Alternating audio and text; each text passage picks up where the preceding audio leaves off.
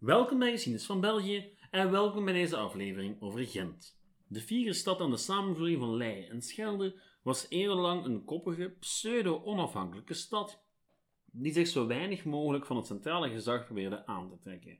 Maar hoe was die stad in staat om graven, hertogen, koningen en keizers keer op keer de deur te wijzen?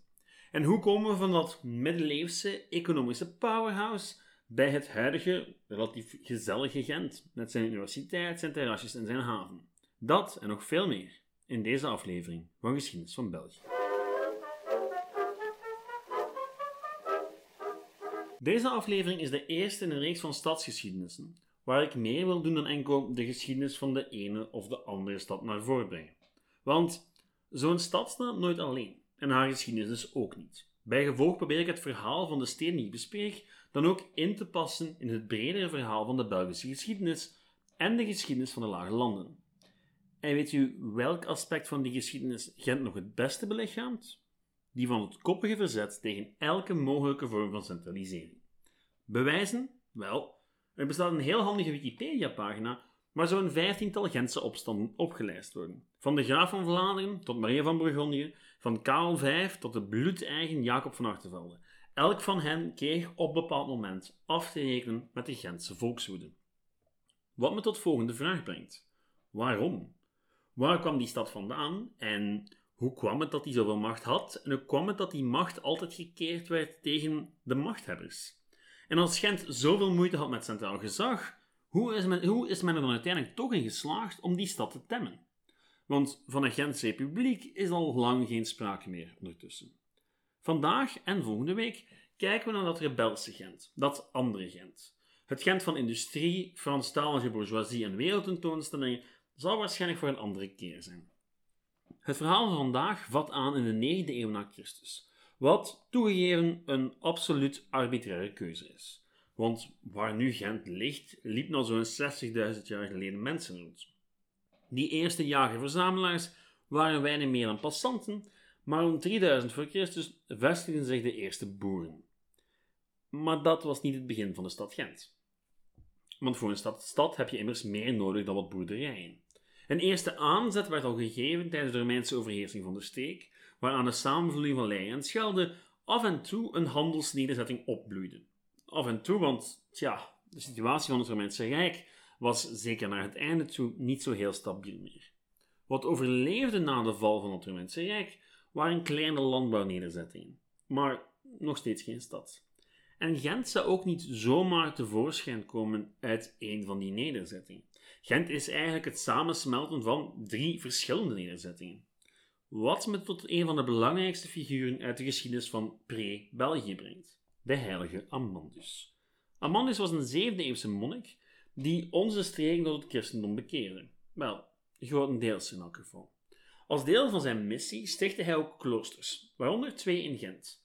Twee kloosters waar rond heuse mini-stadjes zouden uitgroeien. De Sint-Pietersabdij en de Sint-Baafsabdij. De ene staat nog grotendeels recht en is een museum geworden, en de andere, wel, die is grotendeels ruïne. En het verhaal van hoe dat komt, dat vertel ik waarschijnlijk volgende week. Nu, beide abdijen werden gesticht als uitvalsbasissen voor de predikers, gestuurd door de Frankische koning. En zo'n klooster, waar een heleboel mensen woonden die voor het algemeen niet werkten voor hun eigen brood, wel, zo'n klooster kon nooit overleven zonder een gestage aanvoer van voedsel. En bij gevolg kregen die kloosters dus ook heel wat weilanden toegekend, en wijngaarden en bossen. Beide abdijen kregen door de eeuwen heen een heleboel land toegewezen, waardoor ze uitgroeiden tot enkele van de belangrijkste landeigenaars van de Lage Landen. En al vlug groeiden beide abdijen uit tot lokale handelscentra, inclusief eigen dorp en omwalling. Een mooi voorbeeld daarvan is het Sint-Pietersdorp. Een groot deel van wat nu de Gentse Universiteitswijk is, was vroeger eigendom van de Sint-Pietersabdij en was een dorp met een eigen omheining en alles erop en eraan. Hetzelfde geldt voor Sint-Baafs. Waar nu die oude Sint-Baafsabdij ligt, ja, dat was eigenlijk vroeger een groot zelfstandig dorp. Of zou het in elk geval ook lang blijven. Nu, in de 9e eeuw lag ergens tussen die twee abdijen aan de Schelde een haventje. Een kleine handelshaven die vooral profiteerde van de aanwezigheid van die twee grote kloosters. En op die manier begon Gent zich van op die drie verschillende plekken langzaam maar zeker te ontwikkelen. En alles ging goed tot de komst van de vikingen. Jawel, de vikingen. Nu associëren we deze boosdoeners vooral met plundertochten in Engeland, maar gezien de relatieve welvaart in de lage landen waren ze natuurlijk ook in onze streken actief. Nu, aan precieze avonturen wijd ik graag een hele aflevering, maar voor het verhaal van vandaag volstaat het te zeggen dat de twee rijke abdijen heel aantrekkelijke doelwitten waren. Net als dat haventje. Dat haventje vonden die Noormannen zelfs zo tof dat ze er overwinterden. Nu, uiteindelijk werd de tij gekeerd en wisten de eerste graven van Vlaanderen een nieuwe status quo te bereiken. De grenzen van het graafschap werden versterkt, maar evengoed de belangrijkste handelsplaatsen, plekken als Kortrijk, Brugge en Gent. Daar werden vestingen gebouwd, plekken waar de burgers en de handelaars zich in konden terugtrekken, mochten die Norman terug opdagen. Ook plekken waar een garnizoen gevestigd kon worden. In Gent was dat een castrum, een constructie opgetrokken en hout uit hout en aarde, die er in een stenen versie staat tot op de dag van vandaag. Maar vandaag is dat het Gravensteen. Hetzelfde Gravensteen dat u vandaag nog steeds kan bewonderen in Hartje Gent. Met het verdwijnen van het gevaar van de vikings kon Gent zich pas echt beginnen ontwikkelen tot handelsstad. De bevolking die jaren tevoren de vlucht had genomen, druppelde terug binnen. En hetzelfde god voor de monniken van, van de Sint-Baafsabdij. En dat was het sleutelmoment voor Gent. Het moment waarop de terugkeer van de handel het begin betekent van het echte ontstaan van Gent. Niet als een los samenhangsel, maar als een echte stad. Over een gebied van pakweg 6 hectare ontstond een omwalde nederzetting die langs de Schelde liep. Min of meer het historisch hart van het hedendaagse Gent, inclusief Korenmarkt en Sint-Baasplein. Het was rond deze periode dat Gent meer werd dan enkel een handelsplaats. Er werd ook geproduceerd, laken om precies te zijn. Al heel vroeg verstond men in Gent de kunst om van wol laken te maken. Een kunst die al vlug ver buiten de grenzen van het graafschap geapprecieerd werd. Wat de hele industrie een serieus handje hielp, was dat die twee abdijen immens veel grond in bezit hadden. Grond waar in het toen nog heel zompige Vlaanderen vaker wel dan niet schapen op. En de aanvoer van wol naar Gent was dus lange tijd verzekerd. Wat Gent hielp om te kunnen uitgroeien tot een van de centra van de lakennijverheid. Dat is een puur economisch feit dat hele grote politieke gevolgen gaat hebben, zowel intern als extern. Intern betekende het dat de macht na verloop van tijd in handen van de burgers van de stad kwam.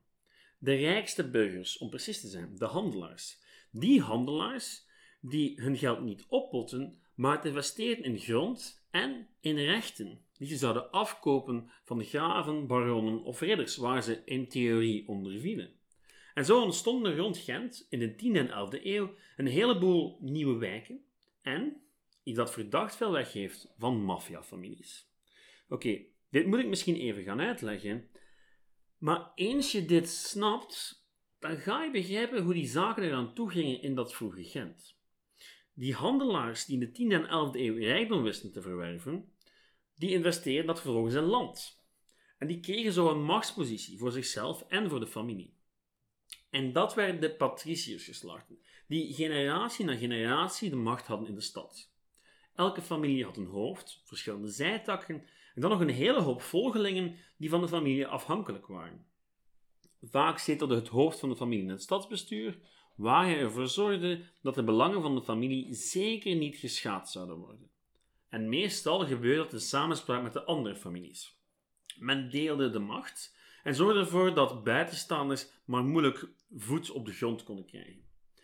Af en toe echter ontstond een conflict dat dan maar gewapende hand werd uitgevochten. Op straat, of in een kerk, of gewoonweg bij hem thuis, waar mensen vermoord werden. Het politieke leven in Gent van die tijd was niet voor dutjes, maar daarover later meer. Die families, die patriciërsfamilies, ja, dat werden eigenlijk fracties die honderden jaar lang met elkaar en met anderen zullen botsen. Het politieke leven in Gent van die tijd was niet bepaald voor doetjes, maar daarover later meer.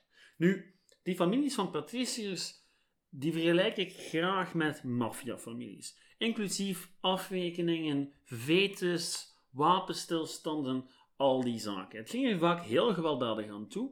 En men had ook wel vaak echt het idee van, ja, bloed voor bloed. En zo'n veten kon dan ook heel lang aanslepen. We gaan vandaag één voorbeeldje bekijken, het meest bekende, maar dit was eigenlijk heel normaal in het Gent van toen en ook in andere middeleeuwse steden. Het was een andere soort maatschappij, een harder soort maatschappij. Tegelijkertijd gaan die patriciërs hun politieke macht gebruiken om van Gent een echte stad te maken. Ze gaan hun rijkdom gebruiken, hun politieke invloed gebruiken om de graaf van Vlaanderen zover te krijgen om de stad eigen rechtspraak te geven, een eigen muur en een eigen stadsbestuur, in de vorm van de schepenbank. Dat begrip schepenbank klinkt ons natuurlijk bekend in de oren en het zou je het idee kunnen geven dat het bestuur van zo'n middeleeuwse stad relatief weinig verschilde van hoe steden vandaag bestuurd worden. Wel, uh, ja, er waren wel degelijk verkiezingen, maar lang niet iedereen kon verkozen worden en slechts een heel miniem aantal mensen mochten stemmen. Je kan het misschien nog het beste vergelijken met de zo geroemde Atheense democratie, waar zogezegd iedereen mocht stemmen, behalve vrouwen en slaven en mensen die geen grondbezit hadden, enzovoort en zo verder. In Gent waren dat eigenlijk nog minder mensen. In Gent en andere middeleeuwse steden waren de politieke rechten voorbehouden aan de patriciërs, wat een hele kleine minderheid was en dus op lange termijn voor heel wat ellende zou zorgen. Wat ons brengt tot het magische jaartal 13 en 2. De Guldensporenslag, jawel. Voor het brede verhaal wijs ik u met veel plezier door naar de vijf afleveringen die ik er al over gemaakt heb. Vandaag kijken we specifiek naar wat heel dat gebeurde Groeningekouter te maken had met Gent en met de politieke status van de stad Gent. En hoe die Gulden Sporenslag van Gent en andere Vlaamse steden meer democratische en egalitaire besturen opleverde. Want geloof het of niet, je kan die Gulden Sporenslag niet alleen zien als een conflict tussen Vlaanderen en Frankrijk, maar evengoed als een strijd tussen de patriciërs en het plebs. De patriciërs mochten dan wel de rijkdom van de stad beheren, zo'n vruchtbare nijverheid kon niet bestaan zonder arbeiders arbeiders die hun vak kenden, en zowel op politiek als financieel vlak volledig onder de knoet van de patriciërs zaten. Patriciërs die hun rijkdom ook openlijk tentoonspreiden, enerzijds door rijke kledij te dragen, en anderzijds door naar voorbeeld van de graaf en de kloosters stenen gebouwen te laten optrekken. Van die oudste stenen patriciërshuizen zijn er vandaag de dag nog enkele over. Het bekendste is dat van de Borluts op de Korenmarkt, waar tot op de dag van vandaag het wapenschild van de Berlitz aan de oude stenen gevel hangt. Er zit nu een restaurant in, maar als u ooit een blauw wapenschild ziet met daar drie gouden herten op, dan weet u dat daar ooit de Berlitz gewoond hebben. En die Berlitz, wel, die verdienen een historisch drama. Die verdienen een reeks à la de Tudors. Want heel die familiegeschiedenis op het einde van de 13e eeuw en aan het begin van de 14e eeuw heeft werkelijk alles seks, moord, politieke intrigue. Ik heb geen tijd om echt in detail te gaan, maar laat me gewoon het leven schetsen van de belangrijkste telg van de Borlut-familie. Om u een beeld te geven van hoe mafioos het leven in het middeleeuwen wel kon zijn. De Borlut-familie had net als de andere patriciërs haar wortels in de 11e eeuw, toen ze heel wat rijkdom verwierven. Die rijkdom vertaalde zich in heel wat macht, want de Borluts slaagden erin om verschillende keren een familielid tot abt van de Sint-Baafsabdij verkozen te krijgen. Wat betekende dat de Berluts lange tijd, logischerwijs, bevoorrechte handelspartners waren van de abdij en heel wat macht hadden in de stad. Er zeilde dan ook bijna altijd een Berlut in de schepenbank van de stad. Tot dat plots niet meer zo was. Mede door het politieke konkel van de andere families. In de eerste plaats de familie van Matthijs van Sint-Baafs. Die familie was in de loop van de 13e eeuw in geslaagd een familielid op tot ab van Sint-Baafs te maken. En had dus onrechtstreeks ook de macht van de Borluts ingeperkt. Wat tot heel wat spanningen leidt. Tel daar een mislukte verzoening bovenop en een lid van de Sint-Baafsklang die weigert met zijn zus te trouwen en je krijgt een scenario dat leidt tot een handgemeen tussen Jan Berlut en een van Sint-Baafs. Jan wordt terstond voor de schepenbank gedaagd en verbannen uit de stad. Nu, Jan neemt dat niet zomaar en die organiseert de volgende nacht een raid op het Sint-Baafsdorp, waarbij hij Matthijs van Sint-Baafs wil vermoorden. Nu, dat lukt niet, maar bij die poging wordt hij betrapt door de balju, soort van sheriff eh, in die periode. En de Baljuw probeert hem te arresteren. Nu, wetende dat die Baljuw een neef is van Matthijs van Sint-Baafs, maakt Borluut gewoon de Baljuw een kopje kleiner. En vervolgens paradeerde hij de stad door, aangemoedigd door de bevolking, en nam hij de benen richting Doornik. Nog zo'n stad waar laken werd geproduceerd, en dus ook een stad waar de Borluuts huizen hadden en een manufactuur hadden. Oké. Wat heeft de Gulden Sporenslag daar allemaal mee te maken?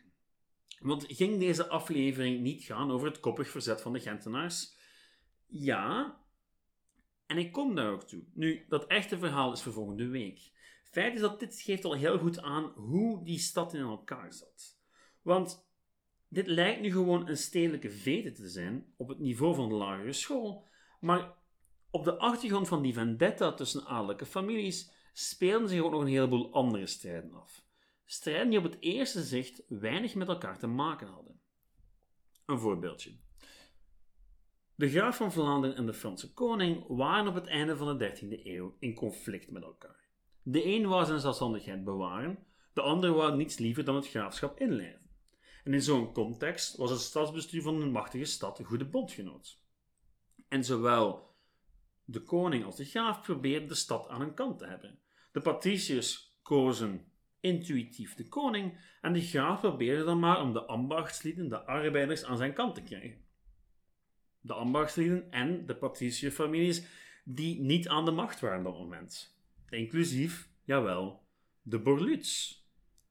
En toen de Gentse schepenbank de kant van de vorst koos, liet graaf Gewijde van Dampierre in 1297 de bank afzetten en benoemde hij een nieuwe schepenbank en gaf een brede deel van de bevolking politieke macht. En die nieuwe schepenbank die stond natuurlijk aan de kant van de arbeiders en aan de kant van de Berluts. En nodigde Jan Berlut terstond uit om terug zijn intrede te doen in de stad. Ondertussen was in 1296 er een nieuw hoofdstuk afgesloten van de hele vete, want de vriend en bondgenoot van Berlut, Pieter de Visser, die was vermoord toen hij in 1296 de Sint-Janskerk uitwandelde. Toen Berlutus de stad terug binnenkwam in 1297, was de vete nog lang niet dood. En het politieke conflict tussen graaf en koning evenmin. In 1300 leek de Franse koning Philippe de Schone aan het langste eind te gaan trekken en schafte hij die hervormingen gewoon opnieuw af. Hij installeerde de oude schepenbank opnieuw met Matthijs van Sint Baas en het gevolg was dat een zekere Jan Borluut het weer op zijn heupen kreeg. Twee leden van de Sint-Baafsklan werden omgebracht en Jan Borluut moest alweer de benen nemen.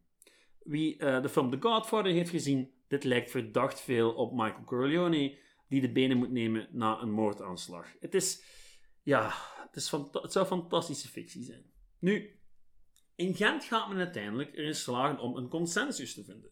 Men gaat een nieuw stadsbestuur op poten zetten, eentje met een democratisch karakter, waarbij de schepen jaarlijks verkozen werden en het ambt werd opengesteld voor de brede burgerij, niet enkel de patriciërs. Volledig democratisch was dat allemaal nog niet, want dat kiescollege bestond slechts uit acht leden, vier aangeduid door de graaf en vier door de uitgaande schepenbank, maar in die tijd was dat, ja, heel nieuw en heel progressief. Nu, de stad was zo blij met dat nieuwe akkoord dat ze eigenlijk neutraal wou blijven in het hele conflict tussen graaf en koning. Nu, het plebs in de stad had daar een andere mening over. Hun loyaliteit lag duidelijk bij de graaf en dat leidde dus tot rellen. Waar de Bruggeling de Brugse metten had, had je in Gent het in brand steken van het Gravensteen en moordaanslagen op schepen. Die koningsgezinde schepenen werden nogmaals verwijderd en wie anders dan Jan Borluut leidde uiteindelijk 700 Gentenaars naar de Gulden Sporenslag.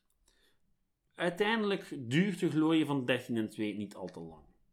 En in 1305 al konden de Fransjes en de Gentse patriciërs terugkeren naar de vier steden. Wat natuurlijk voor het nodige politieke oproer zorgde. Specifiek de dood van Jan Borluut. Want herinner je zich nog die neef van Matthijs van Sint-Baafs, die Jan Borluut had gedood? Wel, dienstzoon kreeg in 1305 Jan Berlut te pakken. En goed, nu zou je kunnen denken dat het daarna niet stopt, maar de graaf greep in en wist een vrede te onderhandelen. Feit is dat na afloop van al die spanningen Gent eigenlijk sterker uit de crisis was gekomen. Want aan het begin van de 14e eeuw bezat Gent heel wat politieke onafhankelijkheid. En Gent was klaar voor wat komen zou. Rijkdom, bouwwerken en een verzet tegen zij die die rijkdom zouden proberen in te perken. Die die onafhankelijkheid zouden proberen in te perken. En goed, dat brengt ons tot volgende week. Dat brengt ons tot die opstand. Bedankt voor het luisteren. Zij die nood hebben aan wat context betreffende de Gulden Sporenslag, wijs ik graag door naar de vijfdelige reeks van deze podcast daarover. En volgende week ga ik verder met het verhaal van het opstandige en bij momenten pseudo-democratische Gent. Bedankt voor het luisteren en tot volgende week. Ciao!